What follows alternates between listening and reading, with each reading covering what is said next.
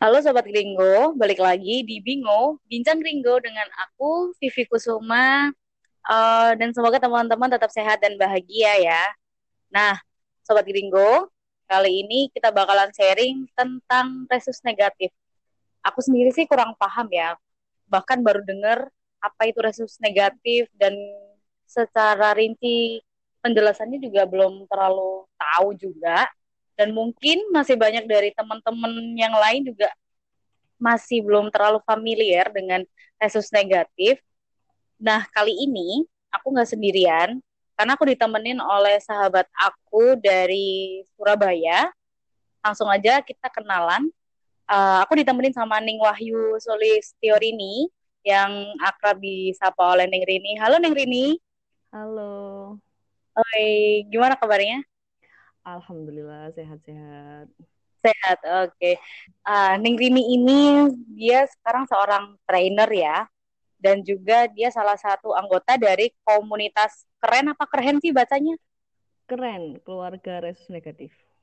Oh, keluarga resus negatif. Oke. Okay.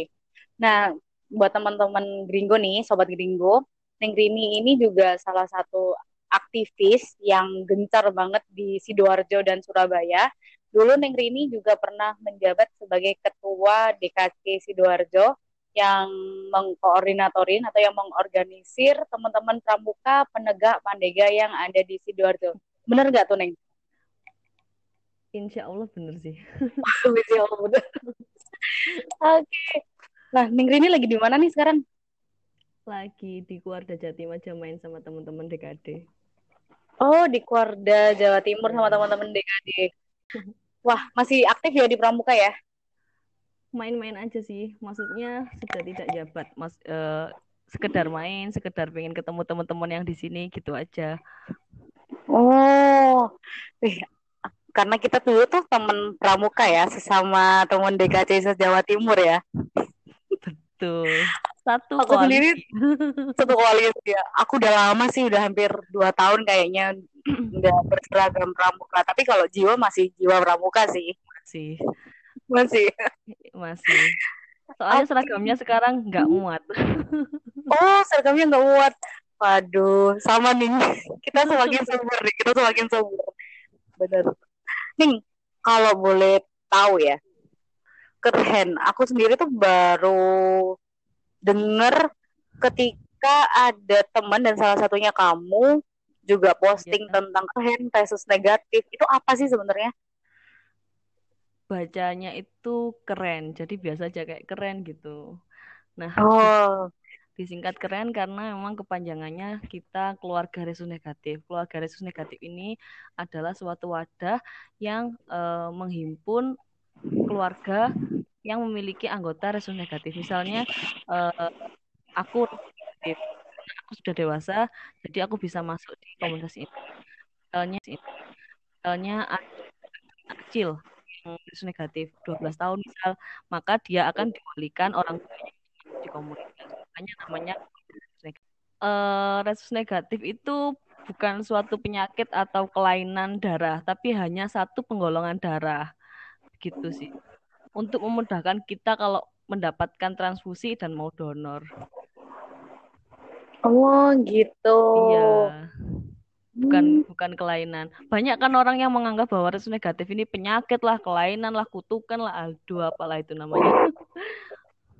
Oh, tapi kalau misalnya kamu sendiri nih tahu kamu punya resus negatif, itu gimana? Dari mana tuh asalnya? Dulu waktu masih aktif di Dewan Kerja ya waktu itu. Terus uh, agak agak lucu sih ini ceritanya agak lucu. Jadi pertama kali donor di sidoarjo itu lolos tanpa di tes resus. Karena wajah saya Jawa Tulen jadi wajah-wajah wong deso jadi nggak orang PMI mungkin menganggap saya tidak ada kemungkinan untuk resusnya negatif. Hanya ditanya golongan darahnya apa mbak? Golongan darah saya apa? Jadi langsung diambil darahnya Kemudian saat itu di kampus, saat itu di UINSA lagi ngadain donor darah. Nah, mm-hmm. karena udah pernah donor, pede aja dong mau Pak mau donor gitu. Akhirnya sudah antri panjang banget antrinya. Pas giliranku dicek, ditanya sama mbak-mbaknya yang mau ngambil darah. mbak darahnya apa tak jawab A resusnya apa ya A mbak gitu ditanya lagi resus mbak resusnya resusnya apa ya A oh belum pernah cek resus ya? Hah?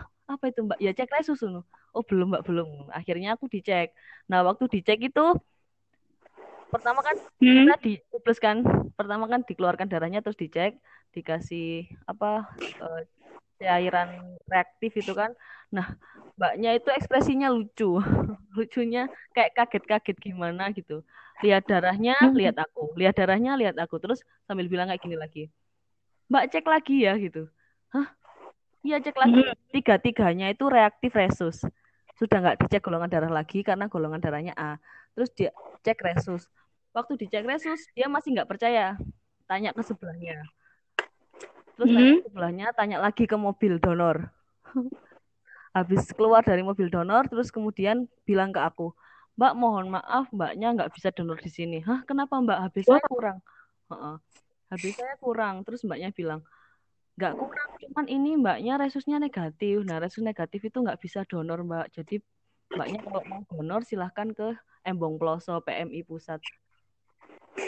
Dong aku ngedon resus negatif itu apa? Aku nggak tahu. Terus nggak tahu apa-apa gitu ya. nggak tahu apa apa kayak aduh apa iki? Terus abis gitu eh ada bapak-bapak sebelahnya mbaknya itu juga petugas PMI bilang kayak gini mbak mungkin nenek moyangmu dulu itu pernah selingkuh sama penjajah makanya kamu resus negatif. loh, loh, kok kayak gitu? Judgementnya? ya Terus, guyon ya. aku nggak tegang akhirnya ya wes aku nggak donor. Terus waktu di Kuarcap itu aku ketemu temanku yang petugas PMI aku bilang dong mas aku resusku negatif. Terus temanku bilang gak per- ini pakai bahasa Jawa ya? Bahasa Jawanya kayak iya, gitu. gak, gak percaya wajahmu deso kayak ngono resusmu negatif. Yo nek awakmu ki wong Arab tah wong Cina tah ngono. Gitulah intinya. Hmm, intinya nggak percaya gitu ya. percaya. Terus akhirnya eh ya wes minggu depan kamu nang PMI tak ambil darahmu tak cek. Diambillah dicek di mobil donor kan. Dia temanku ini tugasnya di mobil donor di, diambil temanku. Hmm. negatif kedua hasilnya negatif terus akhirnya masih nggak percaya iku temanku akhirnya telepon dokter dokter PMI akhirnya disarankan ke PMI-nya disarankan ke PMI-nya diambil di lengan sekitar 3 mili pakai suntik yang besar itu kayak tes tes penyakit itu Hmm. Terus, terus, terus terus. Seru nih. dikabari "Mm-mm, minggu depan di mbak minggu depan hasilnya keluar oh iya mas dikabari ke temanku aja gitu. akhirnya temanku percaya dan ternyata resusnya memang negatif dan kenapa kok bisa terjebak di keluarga resus negatif? Karena ya temanku itu tadi Rin awakmu kamu tak hubungkan nang komunitas ya biar lebih enak gitu sih. Akhirnya aku kecemplung lah di sini dan akhirnya karena aku dulu parno sama resus negatif akhirnya ya apa namanya kayak mengabdikan. Aku harus sosialisasi biar biar orang-orang itu nggak awam lagi dengan resus negatif kayak gitu ceritanya awalnya itu. Gitu. Tapi sempet yang kayak gimana ya? Sampai ke psikosomatis nggak? Karena kamu tahu kamu resusnya negatif itu di awal-awal.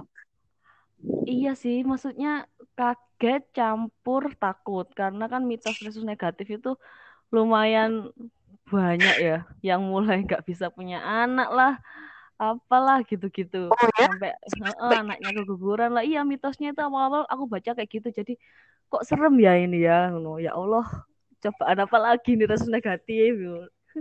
Ah. akhirnya heeh, terus di komunitas ini akhirnya kayak lebih apa ya lebih aware aja sih lebih oh ternyata ada penanganannya kok gitu kayak gitu-gitu.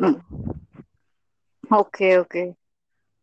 Sama sih, Rin. Kalau misalnya aku tuh dulu ya, dulu itu donor itu baru bisa donor setelah usia 17 tahun itu tiga kali masa percobaan. tiga Terus kali Iya kan waktu itu habis ulang tahun kan, biasa ulang tahun sweet seventeen, habis dirayain gitu kan. Emang dari awal itu gue, aku kepengin donor gitu. Mm. Aku kepengin donor gitu kan. Terus donor yang pertama, donor yang pertama itu ternyata berat badan itu harus minimal 50 kilo kan.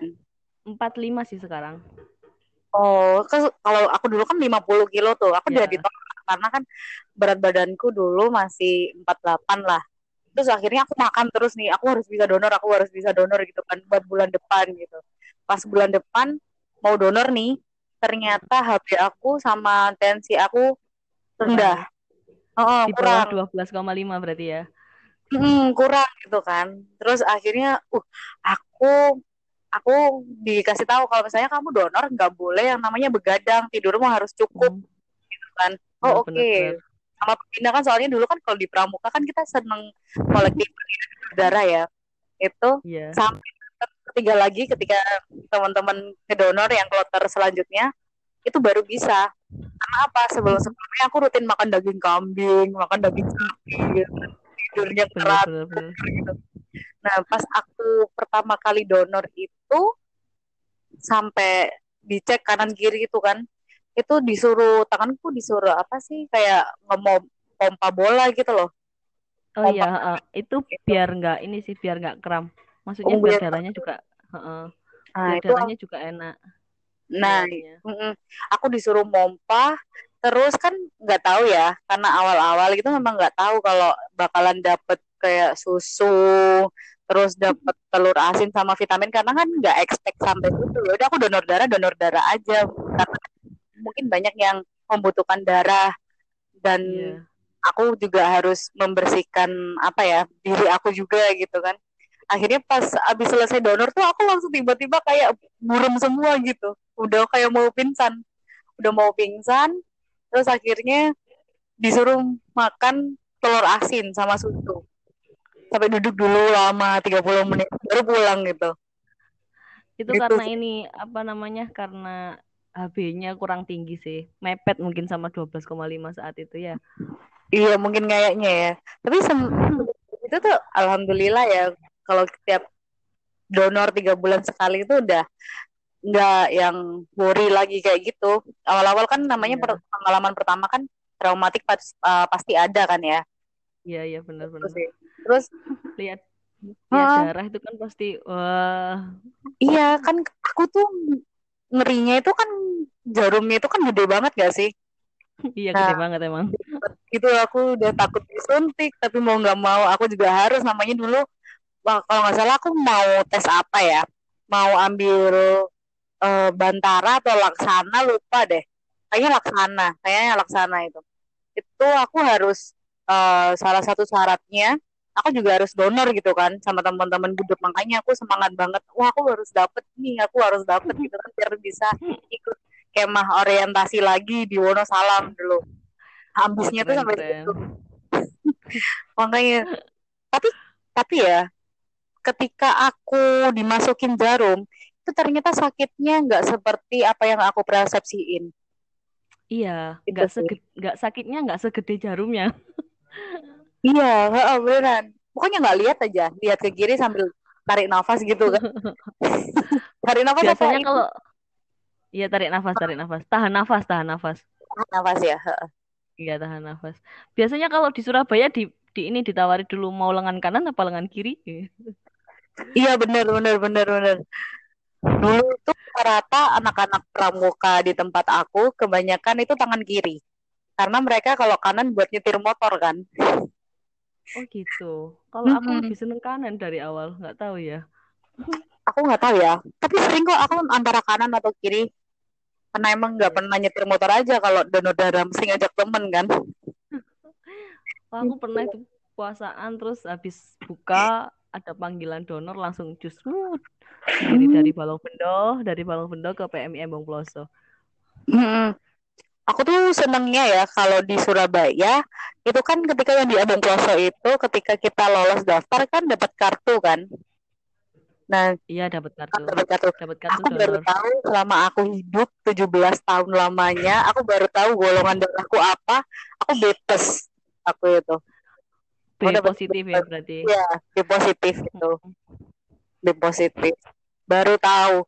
Dan sam- selama itu orang tua aku juga nggak tahu aku tuh golongan darahnya apa. Jadi dulu kalau misalnya sekolah suruh isi data diri gitu ya golongan darah tuh mesti dicoret nggak tahu gitu. Dikosongi ya. ini ya. Jadi baru tahu golongan darah apa kayak sosokan semua yang ngisi oh udah tahu di B plus di B plus gitu. Gitu sih. Bahkan papaku juga taunya waktu donor itu tadi Iya, jadi memang kebanyakan itu orang Indonesia itu masih belum aware terhadap darahnya apa, resusnya apa. Itu orang Indonesia masih belum aware sama sekali sih menurutku. hmm. iya Dan, dan apa namanya dan ini apa ketika tahu resusnya negatif terus mereka butuh darah itu aduh apa ya kayak ada kepanikan di masyarakat kan akhirnya. Karena karena gini karena gini. Begitu ada kebutuhan darah dokternya akan bilang uh, ke pasiennya pasti ke keluarga pasiennya kan pasti bu pak ini kami butuh darah uh, B negatif misalnya. B negatif. Hmm. nah darah stok di rumah sakit kosong. Pasti bilang kayak gitu. Mau silahkan ke PMI di PMI sampai PMI juga PMI pasti bilang mohon maaf stok kita kosong. Kita harus panggil pendonor. Mesti kayak gitu. Tambah panik lagi kan pasti dan iya, banyak iya, iya. banyak biasanya dibutuhkan golongan darah ini negatif gitu kan pasti biasanya iya sih. banyak. Sih ya Tahu influencer uh, influencer Surabaya itu mm-hmm. pernah ngepost siapa itu namanya? Koko Buncit. Koko Buncit itu pernah nge-share oh, ya. kebutuhan mm-hmm. kebutuhan A negatif terus akhirnya dia tak DM e, eh, kok mohon maaf ini kebutuhannya sudah terpenuhi kebetulan aku sendiri yang donor kayak gitu sampean biar hmm. nggak ada kepanikan. Iya iya iya iya. Kenapa kok memang kenapa kok resus negatif ini selalu tidak tersedia di PMI dan rumah sakit? Karena darah itu kan ada masa berlakunya satu bulan dari okay. pasca mengambil. Nah hmm. kalau nggak ada kebutuhan dipaksakan diambil itu eman sayang kan kalau dibuang karena orang resus negatif itu nggak ada satu persen penduduk Indonesia. Oh, itu. Iya, dan langka Kamu istimewa banget, Mirin. Kamu istimewa banget loh. Termasuk satu persen yang ada di Indonesia, kan? Kurang, kurang dari oh, kurang ya, kurang ya. Waduh. Dari satu persen.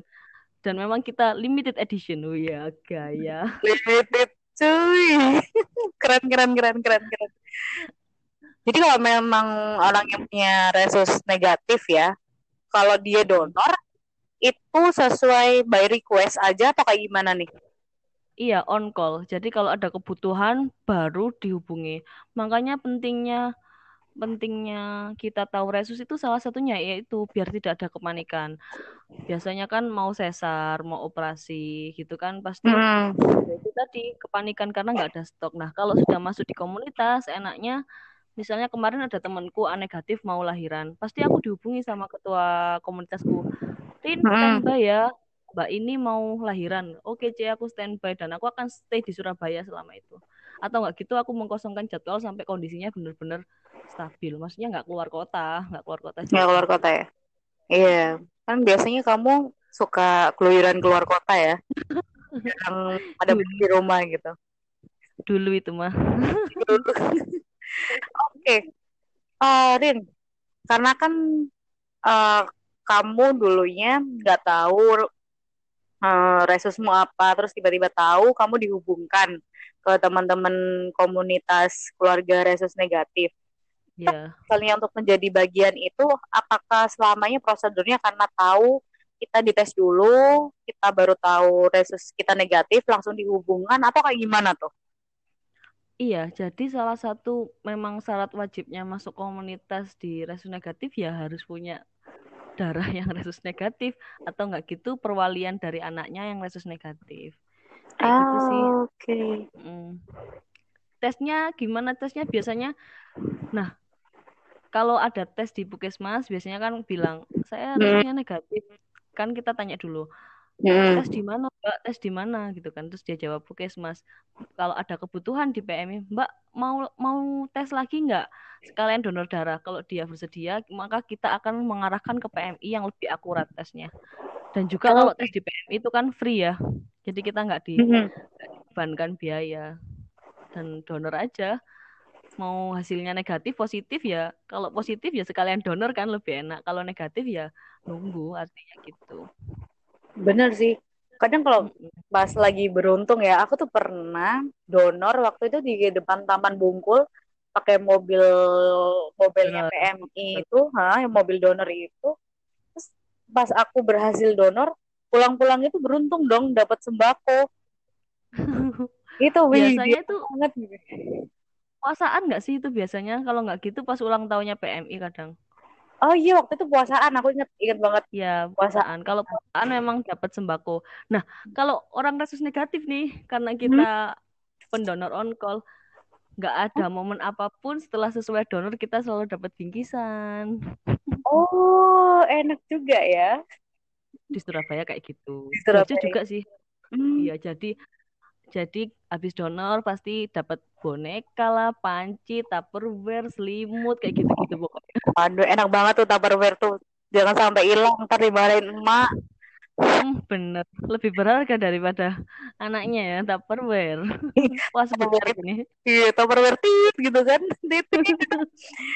Harga banget lah daripada anaknya hilang gitu. Udah ya, dari Idul Adha sampai ke mana-mana gitu kan. Oh ya, dan mesti diingat. Pun, iya. komunitas keluarga resus negatif ini itu apa di setiap kota kabupaten selalu ada atau cuma tertentu kayak cuma ada di daerah provinsi atau kayak gimana gitu? Uh, kalau kita bicara soal komunitas resus negatif sebenarnya nggak cuma res keluarga resus negatif aja atau yang biasa dibilang keren di Indonesia itu sudah ada empat komunitas resus negatif RNA mm-hmm. respon negatif uh, Aceh, kemudian RNI respon negatif Indonesia, keluarga respon negatif, terus yang satunya aku lupa yang di Semarang itu. Jadi ada empat. Nah ada empat ini menunjukkan bahwasanya uh, sudah mulai aware soal resus negatif, bahwa orang itu sudah mulai sadar resus negatif dan pentingnya berkomunikasi di uh, komunitas. Karena kan kalau misalnya PMI ada kebutuhan terus orangnya nggak bisa dipanggil otomatis kan PMI pasti larinya ke komunitas. Butuh ini pasti orang komunitas langsung gercep kan lebih gercep lah pokoknya kalau di komunitas itu gitu. Enaknya sih. Oh gitu. Di, kalau jadi, di Jawa Timur kalau di, di Jawa Timur kalau di Jawa Timur ya keluarga resus negatif. Kemudian kita ada namanya koordinator wilayah. Selam, sementara ini itu eh, mana ya? Surabaya, Jatim, terus Madura, Bogor. Mm -hmm. Yang satunya Bojonegoro apa Lamongan ya? Gak lupa saya. Pokoknya itu. Nah, sebenarnya kalau dari daerah-daerah itu pasti langsung dihimpunnya di grup komunitas langsung di provinsi sih. Yang di yang di kota kabupaten tadi cuma koordinator aja koordinator mungkin kalau kita ada undangan jadi yang mewakili mereka kayak gitu-gitu aja. Oh gitu. Jadi emang yang lebih membantu yang apa ya menghubungkan itu dari PMI-nya ya untuk ke teman-teman komunitas ya. Jadi kayak saling take and give gitu. Iya sih lebih ke ya apa ya simbiosis mutualisme nggak sih? Saling menguntungkan. Saling menguntungkan Jadi, saling menguntungkan PMI dan keluarga resus negatif karena kita uh, support apa namanya support PMI banget gitu. Pokoknya support PMI mengusahakan mengusahakan sekali ada pendonor. Kan kasihan kalau misalnya kemarin tuh ada dua tahun kemarin apa ya? Mm-hmm. tuh darah resus negatif dan itu uh, kecil banget kan dan ternyata resusnya negatif. Beberapa kasus juga kalau mm-hmm. bayi butuh darah bayi butuh darah meskipun si bayi resusnya positif biasanya biasanya mm-hmm. biasanya diambilkan di darah resus negatif karena lebih universal. Uh, contohnya gini, resus negatif, resus negatif itu bisa donor ke positif. Tapi oh, kalau gitu. positif, iya, tapi kalau positif nggak bisa donor ke negatif. Nih kamu bener-bener istimewa nih teman-teman yang punya reses negatif ya. Aduh. Jadi kalau ada yang bilang darah universal itu O, sebenarnya ada yang lebih universal lagi yaitu O negatif. O negatif itu bisa ke mana pun. O negatif itu bisa ke mana pun ya. ya. Kalau yang kalau O positif, O positif belum tentu bisa positif. ya ke negatif iya. gitu ya. Ke negatif. Kenapa kenapa kok kayak gitu? Karena uh, negatif itu kalau dapat dapat positif itu akan mendetek bahwa antibodi kita itu akan mm -hmm. mendetek itu adalah benda asing yang harus dihancurkan. Kenapa bisa seperti itu? Kenapa kok bisa seperti itu? Aku juga kurang tahu sih, Mbak. aku juga oh. kurang tahu. Uh, intinya kalau resus negatif, mm -hmm. ibu hamil, ibu hamil, ibunya resus negatif. Nah, terus nikah sama uh, suaminya resusnya positif. Terus hamil. Resus negatif ini karena sifatnya resesif, karena sifatnya resesif, jadi resus negatif ini eh, malu-malu kucing untuk muncul. Oh, malu-malu kucing untuk muncul. Malu-malu kucing untuk muncul jadi anak yang resus negatif gitu. Kebanyakan pasti bukan pasti ya, kebanyakan resusnya ikut ayahnya positif. Karena ibunya kan pasti juga membawa gen positif. Oh ya. Gitu. Kebanyakan akhirnya si anak yang di kandungan resusnya positif. Nah, antibodi ibu, antibodi si ibu akan mendeteksi itu sebagai benda asing yang harus dihancurkan karena beda perbedaan resus itu tadi. Mm-hmm. Nah, makanya ada yang bilang resus negatif ini mesti gak iso gak bisa punya anak lebih dari satu gitu kan pasti. Mm-hmm.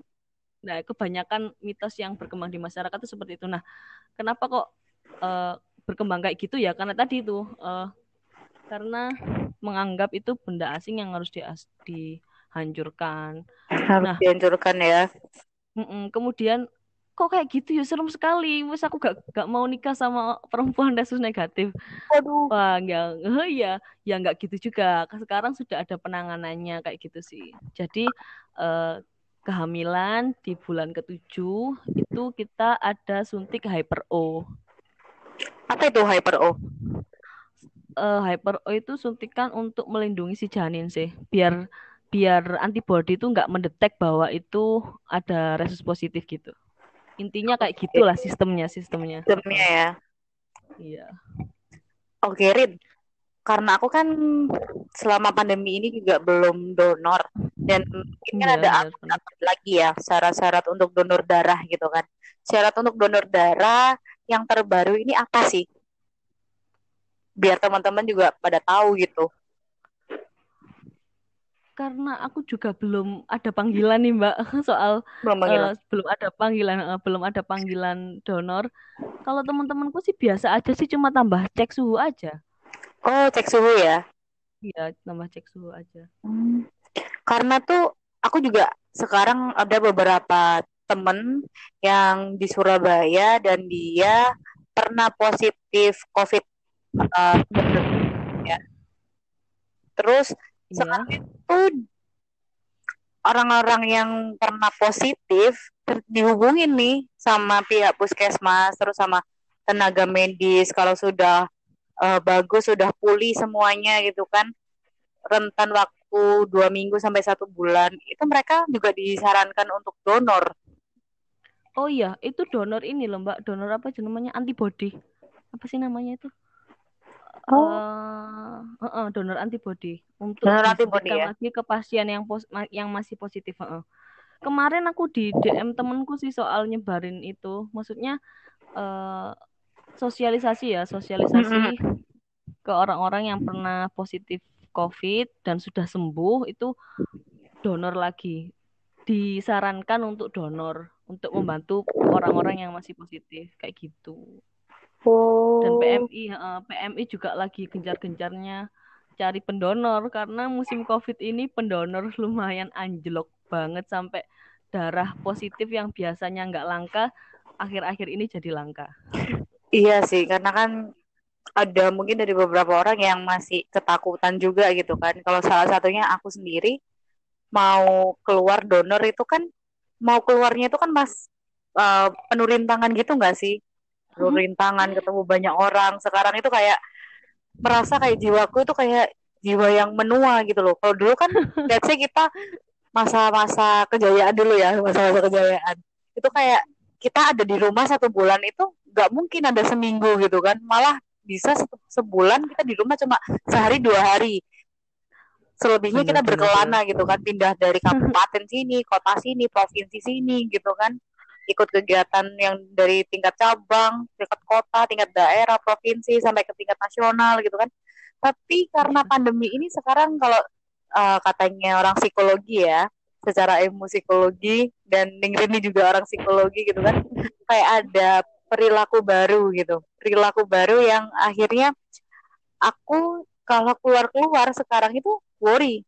Kalau lihat banyak kerumunan orang terlalu jauh juga karena udah kebiasaan WFH gitu kan di kos. Lama banget. Mau keluar itu yang cuma 15 kilo. Aku rasa itu udah terlalu jauh banget. Benar-benar lebih ini hmm. sih lebih apa namanya uh, ada batasan untuk diri sendiri. Gitu hmm. gitu sih aku ngerasanya. Nggak ada batasan diri sendiri. Dan memang hmm. kalau lihat mall sekarang udah mulai rame itu kita aku sendiri pun agak takut agak Worry, takut ya? kalau keluar hmm. iya agak takut cuman ya. ya di tempat aku tuh uh, di Denpasar dari kos-kosan ya dari kos-kosan ke PMI itu ada 10 kilo lebih gitu aku ngerit ke sana karena nggak ada mobilitas ya harus pakai hmm. ojol kan damage-nya lebih nambah lagi kan worry-nya tuh kayak gimana gitu waduh makanya ntar dulu ntar dulu nunggu dulu nunggu gitu iya sih gitu tapi ya gimana lagi semua aktivitas kemar sekarang kan sudah mulai kembali normal aktivitas kantor juga normal hmm. cuman kalau kegiatan pramuka dan kegiatan komunitas lebih ke hmm. ini apa namanya pakai aplikasi aja virtual sekarang pertemuannya rapat dan kita garis negatif kan juga menuju tiga tahun ya kita. Oh, udah tiga tahun ya? Oktober besok tiga tahun kita menyongsong ini sih. Kemarin kemarin baru aja kita uh, silaturahmi by virtual. By virtual. Oh. Berarti kalau misalnya balik lagi nirin syarat donor, syarat donor berarti sekarang 45 um, bobot minimum itu 45 kilo ya? Gimana Mbak? Oh iya, 45. Ha, 45 kilo. Terus HB-nya minimal berapa nih? HB-nya minimal 12,5. Kalau untuk tensi? Tensi 110 ya? Kalau nggak salah, 110 per 90 kayaknya. 110 per 90. Oh, segitulah. Pokoknya harus ini ya, nggak boleh begadang, istirahat yang harus cukup sama uh, pola makannya teratur juga kan. Bener. Biasanya hmm. kalau aku mau donor itu aku akali sih satu jam sebelum donor. Hmm. Satu jam sebelum donor aku pasti minum susu yang gambar beruang putih. Oh, tapi yang iklannya naga gitu kan? Iya. iya, iya. Terus ya. habis itu Iya, terus habis itu uh, makan sate kambing dulu, teh hangat gitu-gitu sih. Terus nunggu setengah jam, mm -hmm. setengah jam baru donor. Karena oh, kalau bener. Nunggu, uh, karena kalau nggak nunggu setengah jam nanti darahnya keruh. Oh. kan darahnya keruh. Iya. Gitu. Gitu. Eh, Rin, ini kan emang ya mas, uh, masyarakat di Indonesia ini juga menciptakan suatu pertanyaan baru gitu kan ada yang seperti mitos atau faktanya gitu aku sempet dulu itu sama uh, saudara aku dilarang buat donor sama itu uh, dilarang buat donor itu karena gini mereka kira PMI itu menjual darah kita padahal kita ngasihkannya secara percuma-percuma Mm-hmm. Nah, itu benar sih?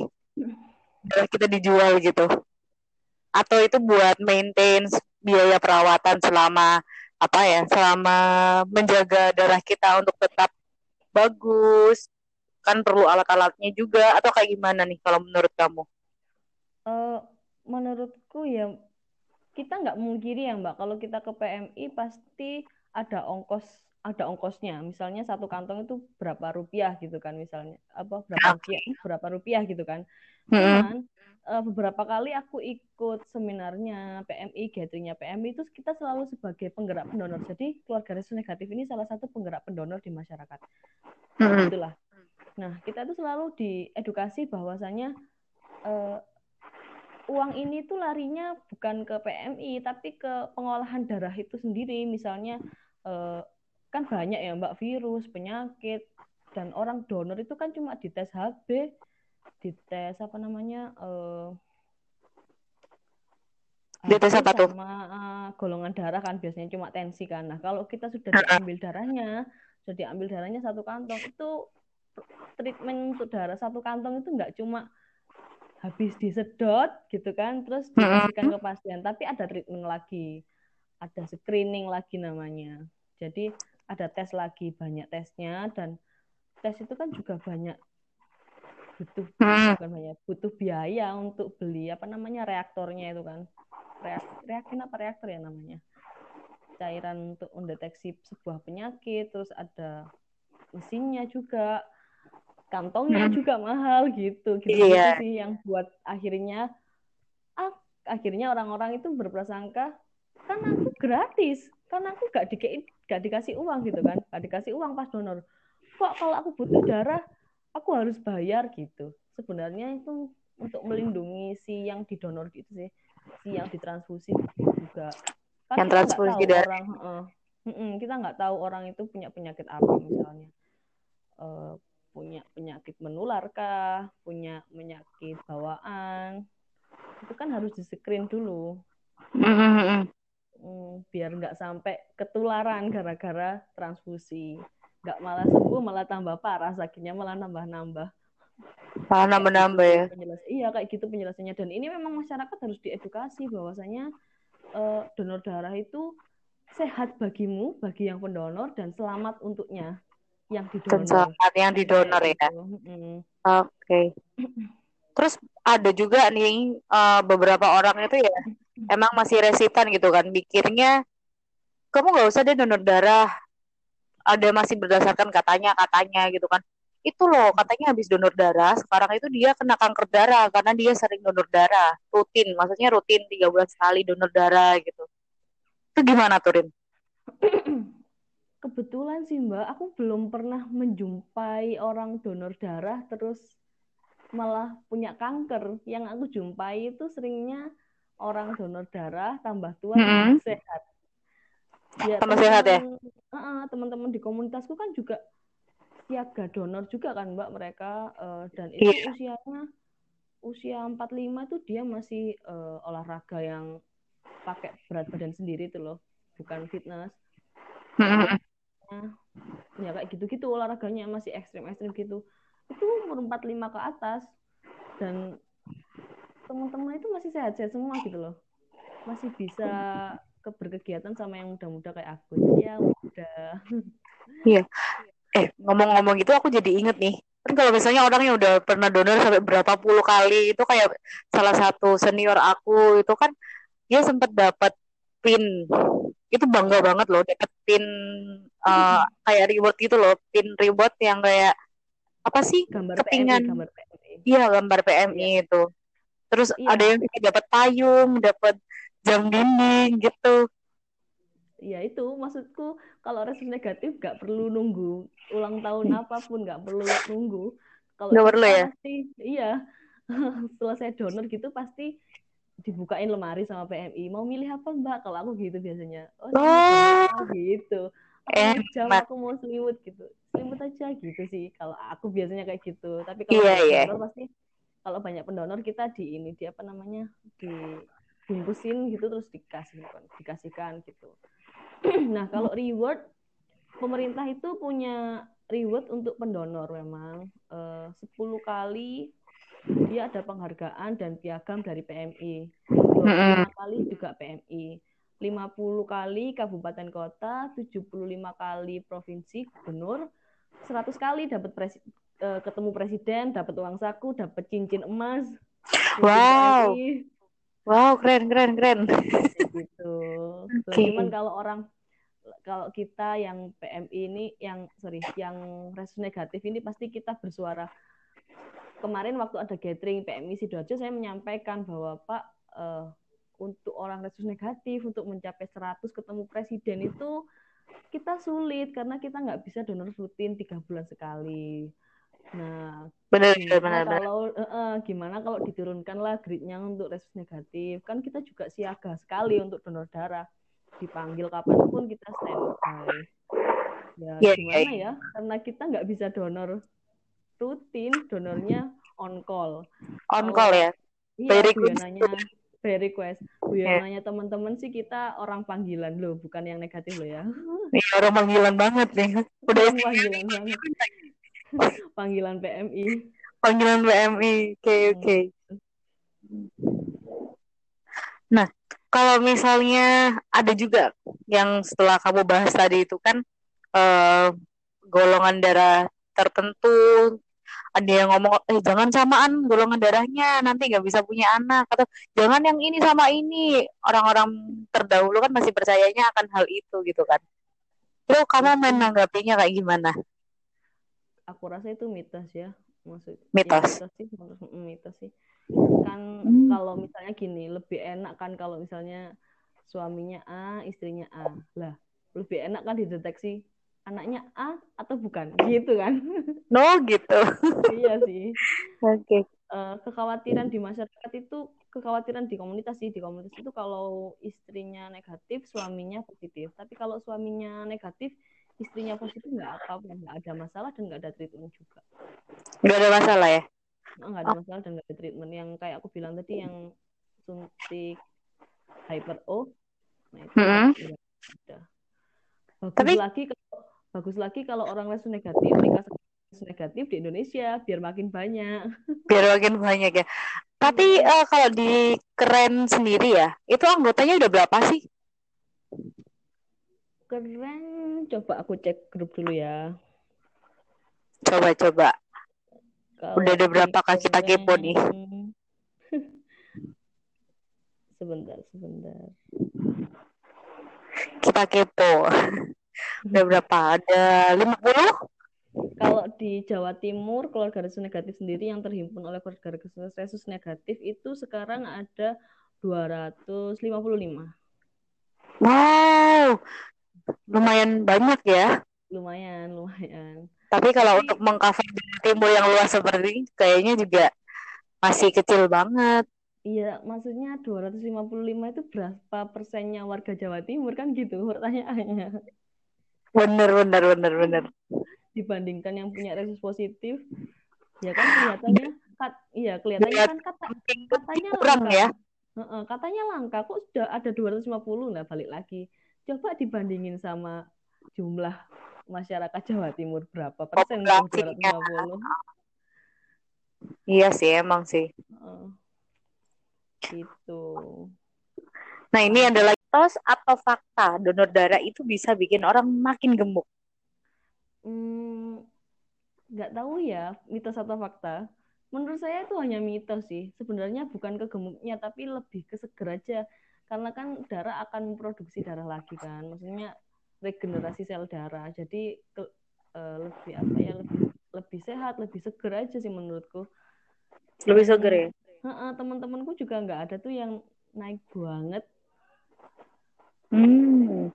kalau aku memang kalau aku sendiri sih memang lebih gemuk lebih gemuk sih lebih gemuk memang naik naiknya lumayan banyak karena karena aku ada sakit sakit lambung jadi memang Nggak boleh telat makan ya? nggak boleh telat makan gitu sih dan memang kok habis donor makanku banyak ya gitu kan pasti ada pertanyaan kayak gitu Hmm.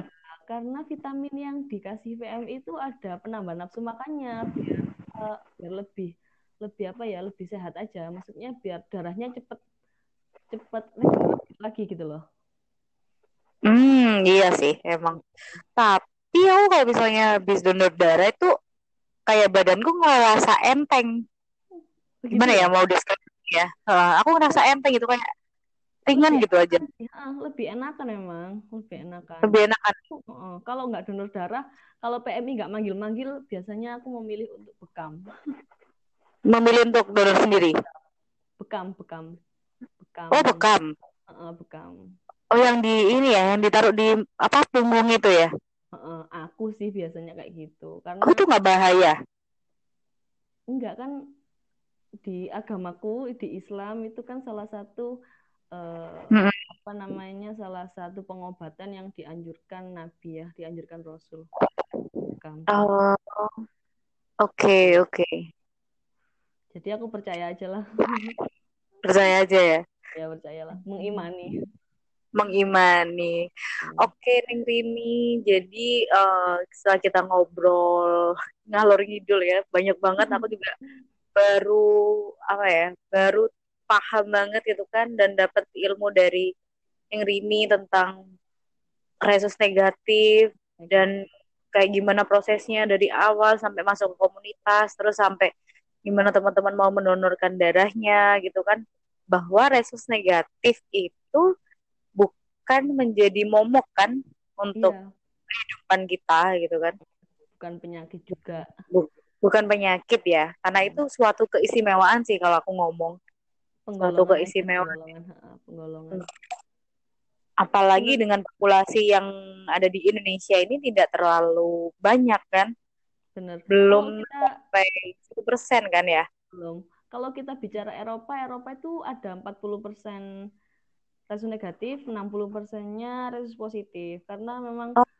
iya, resus negatif ini berasal dari Kaukasia yang kulitnya putih-putih ah, ah, ah, ah. Gitu. Kalau di Eropa banyak. Di Bali, di Bali kalau Di Bali, ya. banyak turis, banyak turis itu pasti banyak resus negatif. Makanya di Bali itu nggak sulit untuk cari pendonor resus negatif. Biasanya pasti bule-bule yang masuk gitu resusnya negatif pasti dipanggil donor sama komunitas.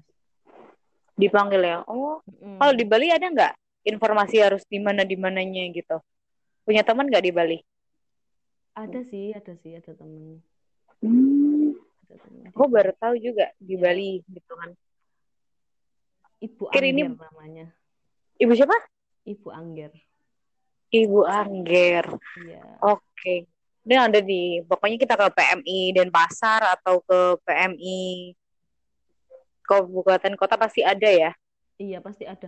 Eh, ini aja, misalnya kalau eh, pendengar setianya podcast ini, ini aja eh, nggak tahu resusnya segera cek sih menurutku segera cek biar kalau tahu resusnya kan lebih cepet ya penanganannya. Maksudnya kalau ada kebutuhan, kalau memang punya niat baik untuk donor segera dilaksanakan sih karena kan menurutku donor itu salah satu ibadah juga.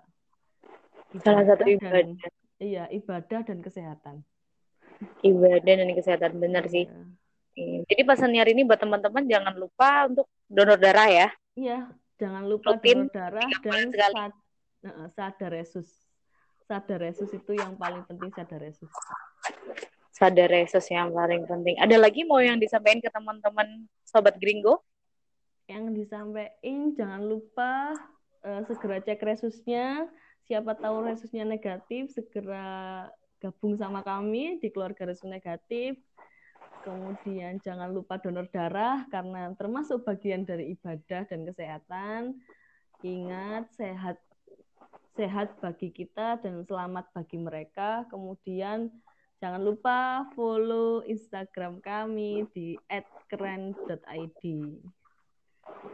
Oke, jangan lupa buat sobat Gringo follow di Instagramnya @keren.id. Karena kalau misalnya teman-teman nih ternyata punya resus negatif, langsung gabung aja, ngomong aja langsung ke Neng Rini atau ke pengurus yang ada di sana. Oke, Neng Rini, Benar-benar. makasih banget sudah meluangkan waktunya mau Sama-sama. sharing-sharing di Bincang Gringo dan buat teman-teman kita bakalan ada terus dua minggu sekali ya.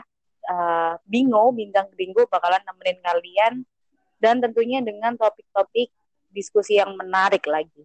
Oke, terima kasih Neng Rini dan saya Fitriani Kusuma. Mohon izin undur diri dan sampai ketemu di kesempatan selanjutnya. Bye-bye. Bye-bye.